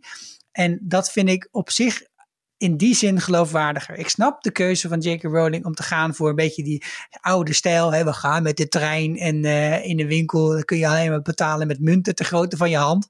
Maar ergens is het natuurlijk helemaal niet logisch dat de, dat de tovenaarswereld op een gegeven moment heeft gezegd, eind 19e eeuw, oké, dit zijn de apparaten waarmee wij werken. En we te- eh, trouwens, we schrijven nog steeds met fucking veren. Nou, als je ooit meer dan drie letters uit een veer hebt gekregen, dan ben je, kut. ben je echt de grote. En dat, dat, dat ze op een gegeven moment hebben gezegd, oké, nou zijn we klaar. Ze zijn gewoon eigenlijk heel conservatief En dan in dus deze wel, wereld. wat ik al zei vorige keer, dat je dan binnen drie jaar drie nieuwe bezemstelen ontwerpt. Dat, het is gewoon Ja. get your priorities straight. Exact. Maar ik denk Nee, ja, wel, ik kan me echt voorstellen, omdat het zo'n kleine gemeenschap is. En ze hebben natuurlijk een aantal oorlogen achter de rug. Dus je prioriteiten zijn ook misschien niet per se. Behalve dat het inderdaad vet slim zou zijn, zoals Esther zegt. Omdat En iedereen neukt met elkaar. Maar ja, nou, ik ben ook heel benieuwd hoe magische voorbehoedsmiddelen werken. Hey, Kan je dan je sperma zo weer wegvanishen? Ik, ik is het wel even uit je handig. kut. Ja, super goede vraag. Wow. Ja, Ik ben overigens... Ja, ja, of een potion. ja, potions. Ja. Van een drankje. Ja. Maar ja, als je het gewoon weg kan toveren. maar het leer incantatie. hè? Ik wil het heel graag, maar laten we dat doen bij boek 6 of zo nog even hebben over liefdesdranken en hoe dat, wat het doet in de power dynamics Ja. tussen man en vrouw. En dat is super interessant. Maar nog even aan dit topic. Eh, denk ik dat Hermelien, als zij minister van magie is, want dat wordt ze, weten we door het theaterboek dingen eh, later, dat zij dan die, die dreuzel technologie inventie gaat invoeren in de magische wereld. Dat denk ik. Hmm, Cool. Ik heb eh, natuurlijk ook weer een essay gelezen uit mijn nieuwe boek. En daar, daar gaat het over de magical world of muggles. En ehm, eh, eh, voor, zeg maar, in het verhaal zelf is het heel, voelt het heel onlogisch wat wij allemaal zeggen. Is dat ze die dreuzelwereld niet gebruiken en dat dat veel, zo, heel weinig geïntegreerd is. Maar voor het boek zelf en ehm, de, de, de reden dat het, eh, eh, dat het zeg maar zo verschillend is, is juist ook de kracht van de boeken van Harry Potter, denk ik. En dat beschrijven ze heel erg, omdat zeg maar, tuurlijk. Ja, dat zit ja. in de grens van wat wij ook als magie zouden kunnen geloven. Eh, en, en dat maakt het ook echt, zeg maar. Dus die, die, die breekt echt wel de lans voor ehm, nou ja, dat die wereld zo is neergezet, zodat we ook deels in die magie kunnen geloven. En als het te veel op onze wereld lijkt, dan hadden we waarschijnlijk deze podcast gewoon niet gemaakt nu, omdat het dan nooit zo vet was geweest. En nu jij er zo over praat, denk ik, eigenlijk zijn dreuzels voor magische mensen een soort magische wereld. Dus zij kijken er een beetje naar als, Ja. ja, die hocus pocus van die telefoons. Nou Harry, dat moet je me nou toch maar eens uitleggen, want daar begrijp ik helemaal niks van. Zeg maar, het is net, het is een beetje omdraaien van hoe wij naar magie kijken. En dat is eigenlijk best wel leuk gedaan, bedenk ik me nu. En Ja. ik heb nog één vraag die een beetje in het verlengde hiervan ligt. Hè. Ik zat namelijk te na te denken van, nou stel je voor, de, de, dan, er is wel een soort connectie tussen de, eh, de dreuzelwereld en de tovenaarswereld. En eh, je, die zit heel erg duidelijk verdisconteerd bijvoorbeeld in de minister van magie. Hè, dus, dus Troebel blijkbaar. Mhm. Eh, die, die is, is hij nou lid van het kabinet van de prime minister van Groot-Brittannië? Nee, nee, hij maakt zich Nee. kenbaar volgens mij. Of heeft hij zijn eigen kabinet? Als zijn eigen kabinet. Want ik vind altijd, als je zegt, jij bent minister for magic, hè, de minister van onderwijs en minister van economische zaken, dan hoor jij in een kabinet waar meer ministers in zitten. Dus hoe ziet de ministerraad eruit als Fudge gaat zitten op maandagochtend? Hoeveel mensen zitten er dan aan functie tafel? meer, meer een soort president is of zo. Ja, als je maar waarom hebben ze dan Minister of Magic genoemd? Dat is Ja, toch een dat- hele dat- rare ja, titel omdat- dan? Het lekker allitereert. Ja, ja, lekker ja, backt. maar, maar ik vind dan bijvoorbeeld Chief Wizengamot of zoiets, Oh my god, Warlock, dat cooler. dat, dat, Maar- dat vind ik cooler. Ja, maar dat is denk ik toch, houten want de minister moet toch een beetje reflecteren dat de magische wereld wel soort van geprobeerd heeft met zijn tijd mee te gaan. Terwijl de opperste Oh, ja. lijkt wel echt een soort middeleeuwse... Sorry, Ja, dat is... rechtbank. eh, moderne Ik heb uitvinding. weegschaar. Ja, De dus weegschaar. Fantastisch. zo cool. Maar sowieso, hoe wordt de, deze wereld geregeerd? Zijn er verkiezingen? Hebben mensen ooit op Droebel gestemd? Ja, dacht Die. Scrimger. Ja, nee. Nou, Volgens er mij wordt wel gezegd wel- dat er gestemd Ja. wordt. Maar de vraag is voor mij meer, wordt mag iedereen stemmen? Of is er een soort van schoolbestuur dat mag stemmen? Dus mag, mag ook weer de elite van het land stemmen? We, we komen toch weer uit op een eerdere vraag over de governance. Hè? Weet Ja. je, de, de, de, de vraag is, volgens mij heeft deze wereld geen trias politica. Er is namelijk een wetgevende macht. Dat is duidelijk. De dat is zeg maar die. Houten Club. En er is, eh, er is een, uitvoer, eh, er Ja, is een mooi, uitvoerende macht. Maar er is volgens mij geen wetgevende macht. Er is geen parlement. Daar wordt nooit over gesproken. Raar. Controlerende macht bedoel je? Ja, nou, sorry, ja, die ja. Nee, Maar Maar is er volgens worden mij wel nieuwe wetten uitgevaardigd. Ja, maar de- altijd ja, door de minister. Ja, Ja, decreten. Nee, maar ook wetten, want het gaat ook in dit boek over de, eh, die eh Dreuzelwet die Arthur Wemel heeft gemaakt. En dat Lucius Malfidus die echt helemaal eh, eh, door de play wil kan je spuwen. dus maken als ministeriemedewerker. Dus dan doe je dat gewoon vanuit je Ja, medewerkers, ambtenaren. Dus Ja, maar ze willen niet dat hij. Ja, ik vind het leuk dat Sander het nog even noemt. Want dit is eigenlijk. Het, het, het- dat was bij mij nooit duidelijk waarom Lucius eigenlijk met dat dagboek aan de haal gaat. Had hij het nou zelf door? Nou, blijkbaar had hij het helemaal niet door wat hij nou eigenlijk precies aan Ginny gaf. Maar de vraag is dan een beetje van wa- waarom doet hij het nou eigenlijk? En dat, de, de reden is tweeledig. Hij wil en Dumbledore weg hebben. Mhm. En hij weet dat dit iets doet. Hij weet nog niet precies wat, maar dat dat in ieder geval onrust gaat veroorzaken. Wat genoeg reden geeft om Dumbledore weg te werken. En het andere is dat hij inderdaad de wet van Arthur Weasley, zo noemt hij het, alsof het de wet is van Wemel. eh, over het Wemel. misbruik van, eh van, van muggle shit. Dat, dat probeert hij weg te krijgen. Dus dat zeg- weer hetzelfde eigenlijk dat het ministerie die wet bedenkt. Hey, mag ik nog eh, een andere vraag inbrengen bij deze puist ellende? Nou, we hebben ook nog luisteraarsvragen, Sander. Korte vraag. Oké. Ehm, kunnen huiselfen de was doen? En dat is eigenlijk, Ja. zou het eigenlijk Maar dan moet je symbool voor een wat betalen, bredere vraag? Ja, dan moeten ze betalen. Wat zei je? Moeten ze Ah, ja. betalen? Je, je moet ze dan betalen. Of je moet zo'n huiself hebben die. Want je, ja, je moet. Nee, ja, alleen als ze vrij zijn misschien. Ik denk dat als je het geeft, probeert kleren te geven aan een huiself die blij is dat die huiself is. Dat die dan Ja. echt eh, zo is van: nee, nee, nee, met je, met je vieze was, eeuw. Dat zie je bij Winky, hè? Eh, Ja. eh, want ik, wa- waarom ik de vraag stel, is het dus wat breder dan alleen over de was doen. Ik vraag me wel af hoe het zit met bevrijden van huiselfen. Maar ook, wat zijn de mogelijkheden en onmogelijkheden van huiselfen? Want je ziet dat Dobby best wel ver uit zijn boekje gaat, bijvoorbeeld nu. Want dat merk je omdat hij zichzelf straft. Maar Knijster, dat is in boek 6, of in, nee, in boek 7 vertelt hij zijn verhaal. Die eh, kan uit allerlei dingen ontsnappen, alleen maar omdat hem dat verteld is. Hoe, hoe denken jullie dat het werkt met die magie? Ja, Ik had het gevoel dat, dat een huiself het moet krijgen.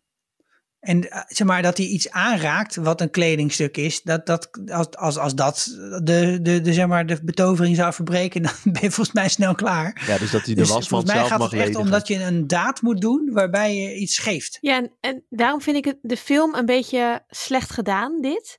Want dan geeft Ja. eh, Harry een boek waar een sok in zit. En dan geeft ehm, eh, Lucius dus dat boek met een sok erin aan Dobby. En dan denk je, ja, lekker lullig. Dan kan je ook een, een mand geven waarin eh, Ja, borden toch? zitten. Maar ook een sok, per ongeluk. Terwijl Ja, in het Maar boek... in het boek, eh, in de film, eh, is het ook non in, niet in geintended, of noem je dat? Niet bedoeld dat hij hem die sok Nee, dus Nee, maar in het Dat is boek- in beide gevallen. doet hij, gooit hij doet hij het boek in de sok. Dan Mhm. haalt Lucius de sok van het boek af. En geeft hij die, gooit hij die naar Dobby. En dan krijgt hij gewoon wel echt een sok. En niet een boek met een sok erin. Ja, Dat vind ik ik anders. vind dat ook anders. En beter. Dus, Maar- Het is toch net alsof je een heel mooi meubel bij het vuilnis vindt, bij het grof vuil. Het is toch niet dat diegene die dat daar neer gezet bedoeld heeft dat jij het krijgt. Dat was bij die sok toch ook zo? Dus niet dat hij Nee, zijn- maar dat zijn- als je een heel mooi meubel bij iemand door de voorpij flikkert, dan, dan is het, dat is Ja. meer... ja, nu is het mijn meubelvriend. Ja, dankjewel. jammer dankjewel voor deze kast. Maar kunnen eh, huiselfen ook alle magie leren die tovenaars kunnen? Of hebben? Ik denk het wel. Dus het wordt Dit wel is natuurlijk waar we het vorige keer ook over hadden. Heb wat voor verschillende soorten magie en ehm, ja. Ik denk dat Ik denk dat we het later zeker nog een keer gaan hebben over die, die toverstaffen ook een Ja. eh, rol spelen erin. Ja. Dat, heb, Mhm. dat gaat later ook als het met, eh, als het met grijphaak hebben over eh, in boek 7 over waarom ze wel of geen stok, eh, toverstok krijgen. Maar ik denk wel dat ze het kunnen, want er wordt ook bij boek 4, als het donkere teken, of de Dark Mark, eh, in de, bij de WK's werkpal is gemaakt, wordt ook wel gezegd van ja, Winky, die huishelft, die heeft dat gedaan. Dus dat, en, en daar is iedereen het ook wel mee eens. Dat die, die vader van eh, Carlos eh Kanewasser zegt van nou, Diggory, Sikko is dat. Die zegt dan van ja, dan de, de huishelft, die kan het gewoon geleerd hebben met, met, met die toverstaf. Dus dat zou zeggen dat ze dat wel kunnen, met, maar met een toverstaf en sommigen zonder Ja. Zeker, volgens mij die kannenwasser. Maar wat Carlo het gevoel, Kannenwasser. wat, wat, wat ik heb gekregen eigenlijk bij al deze eh, boeken en de films, is dat huiselfen misschien wel nog magischere wezens zijn dan mensen. Ja. Dat ze veel meer magie in zich dragen dan, eh, dan al die mensen met wie ze zich om, eh, omringen. En, en dat, dat maakt het des te wranger eigenlijk, hoe deze situatie. Want Dobby kan namelijk gewoon heel gericht zeggen van ik wil dit laten gebeuren met een knip. Eh, Eén keer met zijn Ja. vingers knipt hij en dan, dan gebeurt er precies wat hij wil. Eh, hij is, in dit boek is hij steeds op de achtergrond, is hij, eh, is hij beukers aan het, eh, aan het betoveren en is hij allerlei andere dingen aan het doen. En volgens mij doet Dobby dat gewoon allemaal zonder toverstaf. En hoeft hij dat helemaal geen richting te geven. Volgens mij zijn die huiselfen veel magischer Ja. dan die eh, En daarom worden zelf. ze onderdrukt, Ja, en- want ze zijn een bedreiging. Dat is een hele goede verklaring, ja. Ja, maar ja. Oeh. Maar ja, dan is het toch gek hoe Maar- dat ooit gebeurd is. Want dan als... Ja, want hoe werkt die magie dan inderdaad? Hoe, eh, ze kunnen niet Hagrid in zijn hut toveren en daar laten Je blijven. vraagt je af wie de scheidsrechter is van wie de huiself is. Nou, En ik denk Ik dat we het later keer- zeker moeten hebben over... eh, ja, Esther? Nee, ja, ik wil hier wel induiken, want er hebben zijn hier... Ja, hier moeten we het langer over hebben, want er zijn allemaal parallellen Ja. met de wereldgeschiedenis. Nee, Ehm, zeker. Ik wilde, ik ben ook heel benieuwd zeker, naar... eh, eh, nee, ik ben heel benieuwd naar de luisteraars, wat die ervan vinden. Ja, het is uh, Ja. vriendvandeshow.nl slash vierkante ogen. Maar, Sander, ja? Cool. Nee, eh, ik, eh, ik wil- stelde mijn vraag vooral inderdaad alleen over die huiselfen en hun magie. En ik denk dat we daar nu wel goed over gehad hebben. Maar ik ben wel heel benieuwd, want volgende eh, gaan we het ook vast over de shit hebben. Die Hermeline opricht. En over de onder, onderdrukking van allerlei... En, eh, eh, sorry, de SHIT. En eh, bij professor um, Omber gaat het natuurlijk op een gegeven moment ook over dat Firenze les gaat geven. En dat hij dat eigenlijk niet mag. En nou, goed, Hmm. en over al die rassen en wezens Mhm. en de onderdrukking en de wetten daarover. Dat is zeker interessant daar nog verder in te duiken. Maar niet nu. En de reuzen. En de Ja, reuzen. en Hagrid. Want we hadden ook luisteraarsvragen, begreep ik, van Anneluna. Want ik mocht mijn vraag bijna niet meer stellen.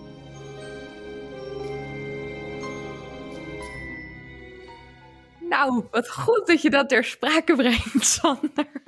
Wel een leuk brugje. De eerste vraag, die kwam eh, via Twitter. En die was van Anneke. Die vraagt waarom werkt de moeder van de Wemels, Molly, niet? Want als ze zo arm zijn, dan zou je toch zeggen dat daar noodzaak toe is. Ik heb ook een theorie, maar jij mag eerst, Sander. Ik heb een theorie, want zij komt best uit een rijke familie. Heb ik Mhm. gelezen. En ik denk dat zij stiekem nog een andere uh, Gringotts kluis heeft. Ga- Goudgaat kluis heeft. Waar ze dan wel eh, af en toe gewoon de shit van kan doen. Dus dat in één keer Oh. Ron krijgt namelijk een nieuwe toon. Oh nee, wacht, dan winnen ze natuurlijk geld. Nou, ik denk dat zij nog stiekem ergens een stash heeft. Want die tante, tante Mu- eh, Auntie Muriel, ik weet niet hoe ze in het Nederlands heet, want Ja, ik heb het boek nog onlangs rijk. niet, laat niet meer. Die is heel rijk, maar die heeft ook een, een eh, eh, door goblins gemaakte, of aardmannen gemaakte, eh, hoe heet het? Tiara.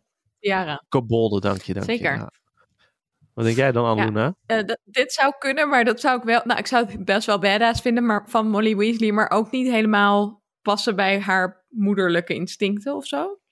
Ehm, ik denk, want we leren later dat allebei haar broers vermoord zijn door Voldemort. Dus ik denk dat ze misschien ook gewoon heel getraumatiseerd is. En ehm, eigenlijk zich soort van uit die wereldse wereld heeft willen terugtrekken of zo. Ik kan me ook voorstellen dat als je zeven kinderen hebt, dat je druk genoeg hebt. Al vind ik dat, Dat dan weer niet zeggen. helemaal opgaan als het grootste gedeelte van die kinderen uit huis is, slash op kostschool zitten. Maar goed. Ja, en we leren later dat zij supergoed... Dus sowieso is ze supergoed in magie. Want als je het huishouden kan runnen Ja. magisch... en al die truien kan breien en het eten kan maken... dat is niet de makkelijkste magie, denk ik. En ook niet dingen die je Dus ze leert op Zwijnstein. Bellatrix dood. Nee, Maar dat inderdaad, is toch maakt- Waarom leer je dat niet op Zwijnstein? Super weird. Maar in het laatste deel is zij degene die Bellatrix verslaat. Dus zij is Ja. echt een hele krachtige tovenaar. En daar, dat is meer waarom ik me afvraag waarom ze daar eigenlijk... Nou ja, kijk, je kan zeggen relatief weinig mee doet. Maar aan de andere kant kan je ook zeggen, weet je... Ze heeft basically een fulltime baan, namelijk moeder zijn, eh, eh, kleren wassen Voor zeven kind, kinderen. voor zeven kinderen zorgen. En Ja. daarna denkt ze misschien, you later, ik heb fucking hard gewerkt al deze jaren. Eh, en eh, mijn man gaat lekker naar, elke dag naar het kantoor en gaat daar gewoon een beetje babbelen met mensen. En ik ben hier dag en nacht me aan het sloven. Eh, we hebben geen huiself, ik ben de huiself. Ik ga nu gewoon lekker chillen. Ja, goed plan. Ja, dat ben ik ook. Ik, als, als vader van, van sinds heel kort twee kinderen, denk ik dat je het met zeven kinderen inderdaad vrij druk hebt. En eh, dat, waarschijnlijk heeft zijn ze zij gewoon thuis. gezegd, weet je wat wij doen? Jij gaat lekker jouw ding doen, Arthur. Ik ga voor de kinderen zorgen. En als ze allemaal naar school zijn, dan ga ik een baan zoeken. En weet je hoe duur En midden in het kinderopvang jaar- is? Waarschijnlijk is het Precies. goedkoper om duur. Niet te werken En dan zij, wel. zij zit waarschijnlijk midden in dit jaar zit ze te solliciteren. Hè? En dan komen al die verschrikkelijke brieven uit Zwijnstein komen binnen van... oh, je kind is trouwens ontvoerd. En by the way, eh, allemaal andere... Ook dat nog, ja. een nieuwe auto. En misschien dat je dan even niet oplet tijdens je Zoom-meeting met je nieuwe werkgever. Dat het gewoon even niet zo lekker gaat. En gelijk daarna krijgen ze fucking veel geld. Dus denk ik, nou, hoeft niet meer. En er zitten best wel veel jaren tussen Bill en Charlie en ehm, de latere kinderen. Percy. Ja, Ja. maar vooral Bill en Charlie, want die zijn echt al van school. Ehm, en ook al best wel lang, denk ik. Of een paar jaar. Op het moment dat, ze, eh, dat Harry en Ron naar Zwijnstein gaan. Dus daar zit ook echt wel wat tijd tussen. Dus ze heeft gewoon heel lang met jonge kinderen thuis gezeten. En nou ja, mijn keus zou het niet zijn, maar het is haar goed recht. Eh, we Vraag kregen over de Wemels. een vraag van Jur. Die is een redelijk nieuwe luisteraar. Wat leuk. En die eh, liet een berichtje achter via vriendvandeshow.nl slash vierkante ogen. Mocht je dat ook willen doen, heel graag. Hij zegt dat we een heerlijke podcast maken, jongens. Yay! Yay. Yes. Dankjewel, Jur. Ehm, en hij vraagt wie onze favoriete wemel is. Leuk, leuke vraag. Molly. Hondje. Voor de Want we film hoeven niet Ron allemaal en voor de, te hebben. het boek Molly. Voor mij. Ik vind Molly gewoon heel cool. Mhm. Punt. Sikko? Esther? Oh, Esther, ik Esther mag dacht, ik eerst. geef hem door. Ik geef hem door. Oh, ik praat heel door Esther heen, dan geef ik haar de beurt. Eh, eh, ik heb toch. Ja, oké. Ehm, oké, ik ben eruit. Boek Ginny. Boek Ginny, maar niet in de film, want het is echt niet leuk in de film, helaas. Zo Eh, zouteloos. Film Bill. Toto. Wow. Zo, Ja, zo. ja. Oké. Ik vind hem leuk. En jij, Annelune? Ehm, nou, mijn hond heet natuurlijk Freddy. En die is genoemd naar Fred Weasley. Een van de meest tragische doden van Harry Potter. Ehm, ik had ook mijn hond Molly kunnen noemen. Ik vond Ginny eigenlijk gewoon een stomme naam. Molly vond ik wel leuk, maar het huisdier van mijn beste vriendin heet dan Molly. Dus toen dacht ik, ja, dat gaat gewoon, dat is gewoon onhandig. Ja, dus ik, nee, ik hou het gewoon op Fred. Rick Alright. Fred. Nou, ik, ik ga dan uiteraard voor Arthur. Want ik vind hem gewoon... En, nee, maar ik, ik, ik zat dus ook interviews te kijken met al die acteurs, hè, dat vertelde ik net. En wat, die, die, hij zat, die acteur die hem speelt, die zat ook echt alleen maar te praten over hoe leuk Daniel Radcliffe en Rupert Grint het hadden op de set. En dat hij dat zo Ah. ongelooflijk fijn vond om te zien. Het is zo'n ongelofelijke schat. En dat, de- hij is voor mij ook een beetje de Phil van de hele Harry Potter eh, franchise. I love Phil. Van, Modern Family. Ja. En, en ja, ik, ik vind Arthur gewoon een, een, een dotje. Heerlijk. Nou, en Chico, wat een goed bruggetje, want we moeten het nog over de film hebben. Die bruggetjes Oh, ja. vandaag, jongen. Wow. Jeetje, Ja, maar- Zo fire mensen. Hey, ik heb wat eh, fun facts. Zal ik Yes. Oh nee. doe maar. Er zijn er niet zoveel, gewoon een paar.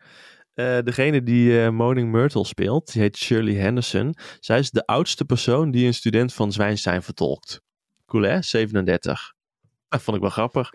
Er zijn, eh, er zijn 14 Fort Anglia's gemolestreerd om de scène van de beukwils na te maken. Ehm, diegene Jongens, die, wat voor eh, auto eh, is een Fort Anglia? Even, Ja, is, is het, het is zeg Zou maar een J.K. Rowling auto vragen, want die reed erin kennelijk. Een hele, Nee, ja, is een hele saaie oude auto. Oké. En daar werd J.K. Rowling vroeger als kind mee naar school gebracht. Ja, Dat is het verhaal. Eh, oh, die, die eh, John Isaacs, Jason Isaacs, die speelt, Lu- die speelt eh, Lucius Malfidus. Die kreeg als opdracht om naar eh, de performance van Tom Felton te kijken in film 1. Om, te, om te, in te schatten hoe nasty hij moest zijn als vader van eh, eh, Draco. Aluna, wat wil je Ik heb een leuke fun fact. Hij had eigenlijk gesolliciteerd, auditie gedaan voor de rol voor, van Gilderoy Lockhart. Die kreeg Oh, ja. hij niet. En toen was hij dus best wel een beetje arrogant bij zijn auditie. En daardoor paste hij dus heel goed meteen bij die rol van Lucius Malfoy. Ja, Hugh Grant en had daar eigenlijk, eh, was na- daarvoor aangenomen eigenlijk, hè? Voor Toch? Van, Gilderoy? eh, ja. Dat is toch die gast van Love Actually en zo? Ja, ik, Ja. Weet, ik weet toch? Hugh Grant? Ja, Ja. die, Ja. die was Maar heeft hij toch gezegd, nee, ik wil niet? Nee, omdat een andere film die hij nog aan het opnemen was op dat moment eh, nog uitliep, kon hij niet meedoen. Als Oh. God. Oh, Ik moet Ik ben wel heel blij met de-. Ja. ja, de keuze voor Kenneth Branagh, die je trouwens ook wel kent misschien van eh, Valkyrie of Dunkirk zit hij in. Hij zit zelfs in Tenet. Die, eh, volgens mij was dit ook wel zijn, zijn, een van zijn belangrijkere momenten waarop hij, daarvoor deed hij allemaal Shakespeare shit. En toen ging hij ook populaire films eh, ging hij doen. Echt vet, vond ik hem. Ik heb nog twee. Ja, en en eh, op, op, één na, op één na oudste persoon die een student speelt, is dus Christian Coulson. Die speelt eh, Tom Riddle. Die was ook al 23 toen hij dit speelde. Cool. Hey, Rupert Grint, die heeft dus in het echt ook bang voor spinnen. Die heeft tot op heden nog niet de scène terug kunnen kijken met Aragog. Hoe eng is die scène? Wow. Ja, niet te doen. Echt eng. Ik vind hem nu nog steeds eng. Als kind vond ik het echt verschrikkelijk. Dit kon ik gewoon niet Ja.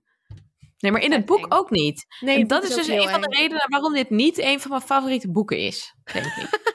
De dat is Ja. Duidelijk. Het is ook de, dat is mijn laatste fact. De langste, langste film over het kortste boek. En eh, de film over eh The Order of the Phoenix is de op één na kortste film. Het langste boek. Vond ik wel grappig. Sowieso een lange Leuk, hè? film. Die film is ook wel echt tenenkrommend slecht. Ehm, Deze deze film. vond ik best wel heel goed. Ik was de vorige keer een beetje aan het haten. Ik heb ook in deze film dingen gevonden om te haten. True, in character, Bellatrix, weet je. Ik, mo- ik moet gewoon show up. That's you. Zo is ze. Zo is On brand. Ehm, ik was echt wel tevreden toen ik deze film terugkeek. En eigenlijk wel, en dat komt dus ook wel omdat ze best wel veel tijd hebben genomen voor dingen. Dus zonder dat het echt saai wordt, overigens. Vond ik de Het was vorige ook dus bijna- wel. Die heb ik stopgezet, tussendoor toen ben ik gaan slapen. Mhm. Maar nu ik toch ook haat bijna één ben- film, hè? Ze hebben, ze hebben film 1 en film 2 in één ruk opgenomen. Er zat maar drie eh, dagen tussen de eerste en de tweede film.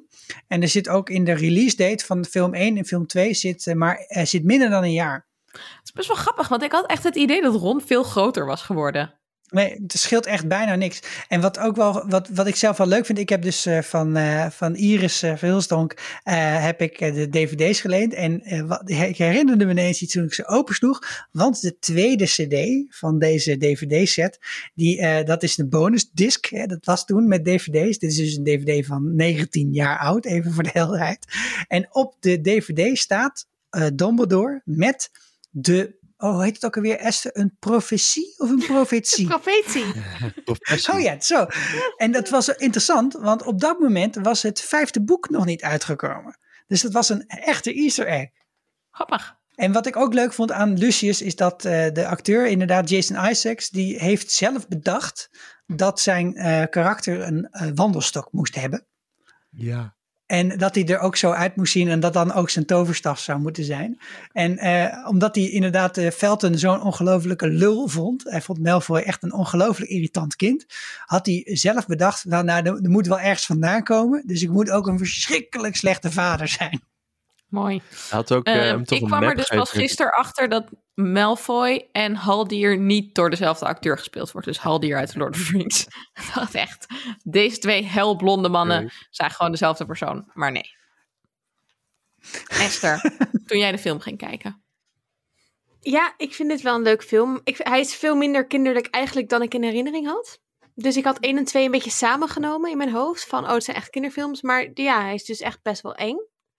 Uh, hij is heel grappig. Er zit echt super veel in uit de boeken, wat jullie net ook al zeiden. Dat vind ik echt ongelooflijk. Ja. Super knap gedaan. Want later erger ik me heel vaak bij de films dat er dingen uit zijn gehaald die ik essentieel vind voor het verhaal. En dat is hierin af en toe, maar niet de hele tijd. Nee, zeker. En, en ook vind, in die andere ja. films zijn er dan dingen bijgedaan die niet in de boeken zitten. Ja, dat Daar is ook word ik echt zo boos van. Ja, zo irritant.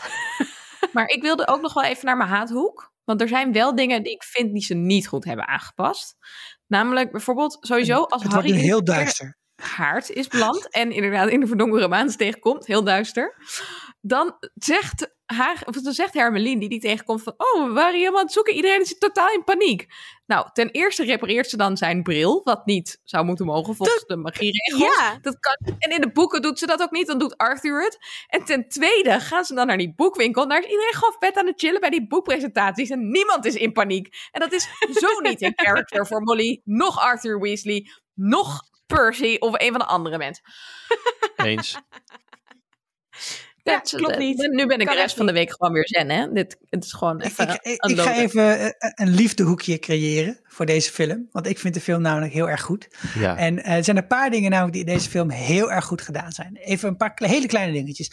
De toegang tot het kantoor van Dumbledore. Dat is in het boek gewoon een of andere waterspuwer die opzij springt. Hier is het zo'n trap die helemaal gaat draaien Dat is in het en jou mee ook, omhoog neemt. Een roltrap. Ja, is dat is Nee, nee, nee. ook. Jawel. De Spiral Ja. Staircase. Ja. Dat- ja. Maar dus n- niet dat er zo'n fantastische phoenix staat die dan gaat draaien. Dat hebben ze echt dat wel niet, echt maar bedacht voor deze wel. film. Dat het een soort roltrap is wel.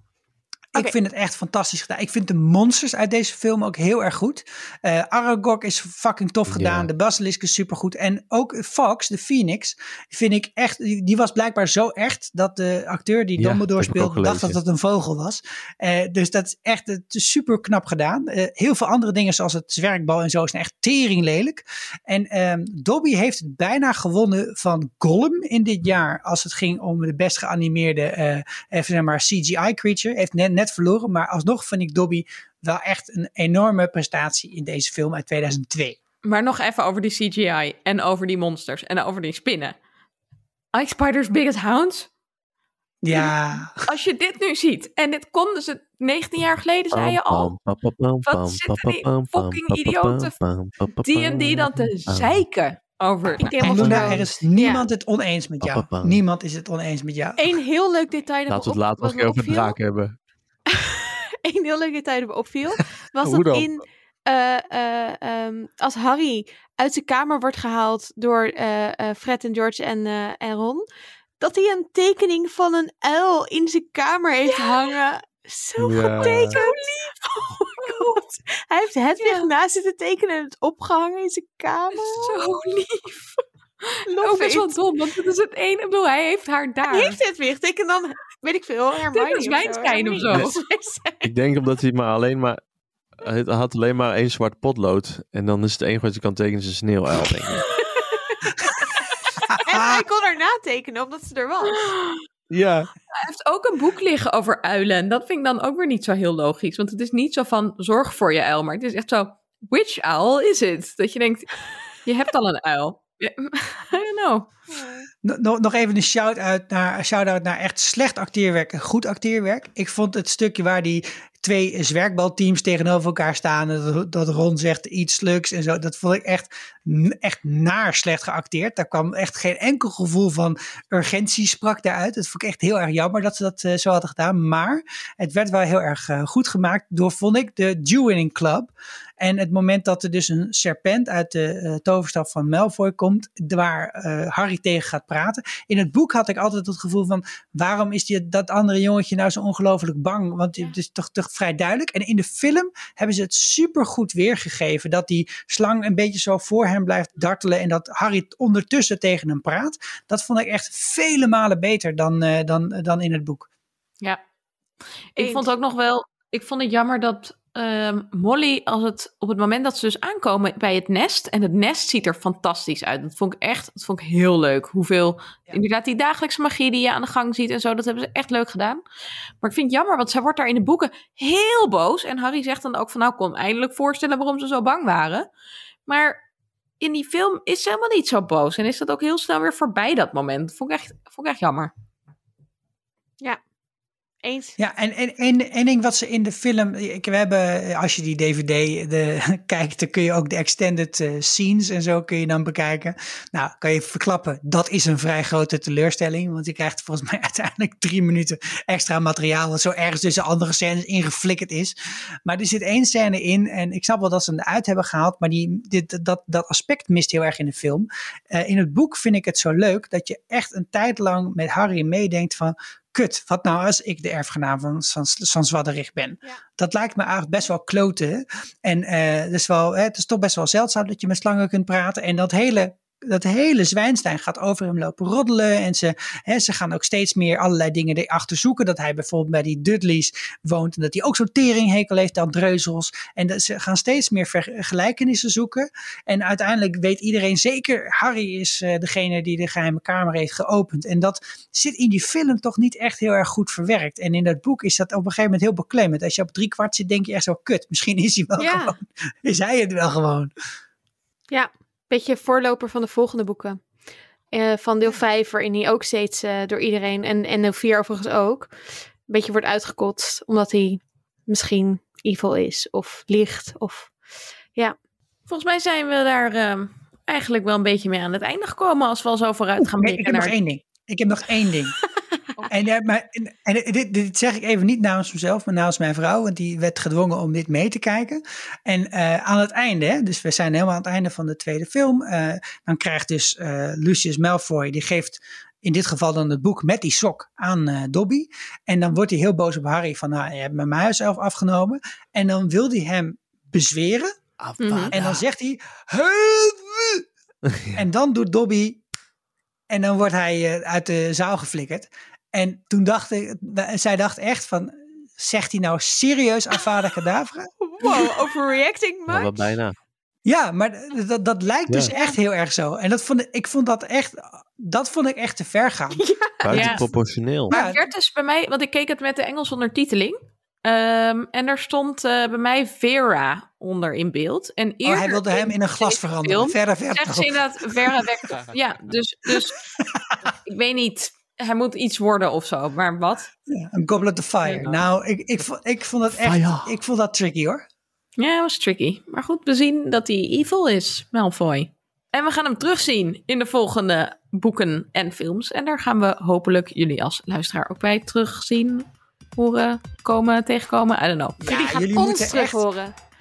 Precies. Yes. Maar jullie moeten ook echt op vriend van de show van je laten horen. Ik was eh, helemaal niet zo eh, eh, into this eh, heel website ding. Maar nu zie ik zulke leuke dingen voorbij komen. Leuke vragen en leuke ingesproken berichten. Eh, laat je even lekker gaan, zou ik zeggen, op Harry Potter. En stel ons vragen. gooi die opmerkingen over de schutting. Ik wil ze hebben. Ja, bijvoorbeeld een vraag. Hoe denken jullie dat tovenaars naar de kapper gaan? Weet je, in, In de coronatijd ga je toch heel anders kijken naar al die boeken en naar de magie die ze hebben. Ik zou echt het heel chill vinden als ik mijn eigen haar kon knippen met een spreuk. Goed. Ehm, laat een berichtje achter op Vriend van de Show. Laat een uh, recensie achter in je podcast-app. Raad ons aan aan uh, al je vrienden en uh, familieleden en je huiself. En noem een hond naar ons. Ook leuk, vinden we, waarderen we. Je hoeft hem geen sicko te noemen, maar dat mag je gewoon laten. en dan zien we jullie de volgende keer weer. Tot dan. Doei.